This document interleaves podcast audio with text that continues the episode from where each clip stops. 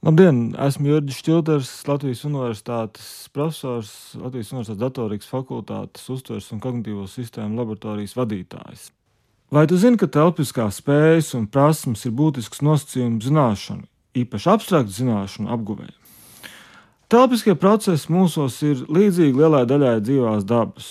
Mēs spējam orientēties telpā, spējam atpazīt vizuāli telpisku attēlu saturu, Mums ir ļoti detalizēta telpiska atmiņa. Viņa ir saistīta ar emocijām, ar estētiskiem priekšstatiem.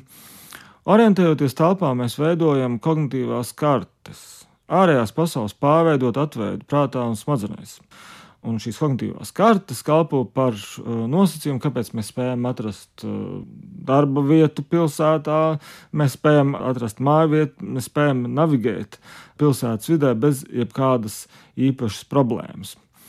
20. gadsimta 40. gados Amerikas Savienoto Valstu psihologs Talmans veica eksperimentus ar žurkām un demonstrēja žurku spēju apgūt kognitīvās kartes un iemācīties navigāciju telpā. Un pēc Talmana pētījuma rezultātiem žurkām piemīt ārkārtīgi rafinēta spēja veidot kognitīvās kartes.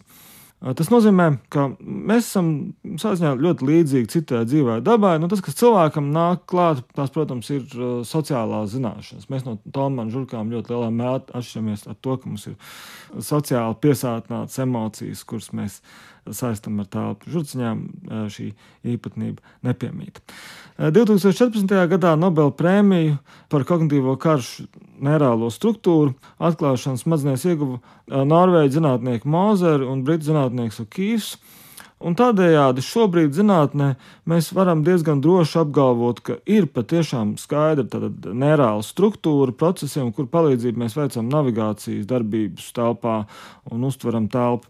Vienlaikus šie te, un arī citi pētījumi liecināja, ka telpiskie procesi ir daudz plašāki nekā tikai telpas uztvere. Piemēram, mūsu vērtējumi ir telpiski. Vienalga, vai mēs runājam par latviešu valodu, vai vācu, angļu, krievu zemāk un augstāk vienmēr būs saistīts ar vērtējošu iezīmi slikti vai labi.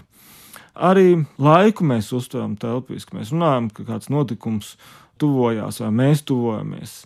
Ziemassvētku tuvojās, mēs tuvojamies Ziemassvētkiem. Mēs varam lietot abējādi laika izteiksmi valodā, bet abos gadījumos šie, šie izteikumi ir telpiski.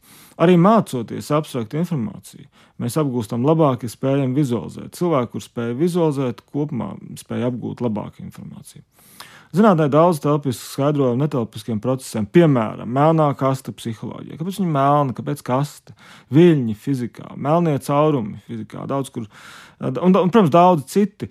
Pēdējo 20 gadu laikā tika veikti apjomīgi pētījumi gan no izglītības perspektīvas, gan no nerezinātnes perspektīvas, kuros tika salīdzināti vizuāli telpiskās prasmes un spējas zinātnē. Un īpaši pārsteigums bija tas, ka ir patiešām ļoti cieša saistība starp veiksmi zināšanu apguvē dažādās jomās, kā matemātika, eksaktā zinātnes, inženierzinātnes un vizuālo telpisko spēju labāku attīstību.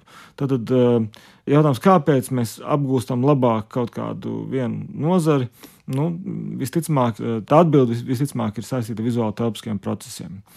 Turklāt, eh, un tas droši vien ir tas labais visā šajā vizuālo telpisko prasmu pētniecībā, vizuāli telpiskās spējas var trenēt. Un uh, tādējādi uh, mēs varam atvieglot zināšanu apgūves procesu, nu, īpaši domājot par abstraktu zināšanu apgūvi.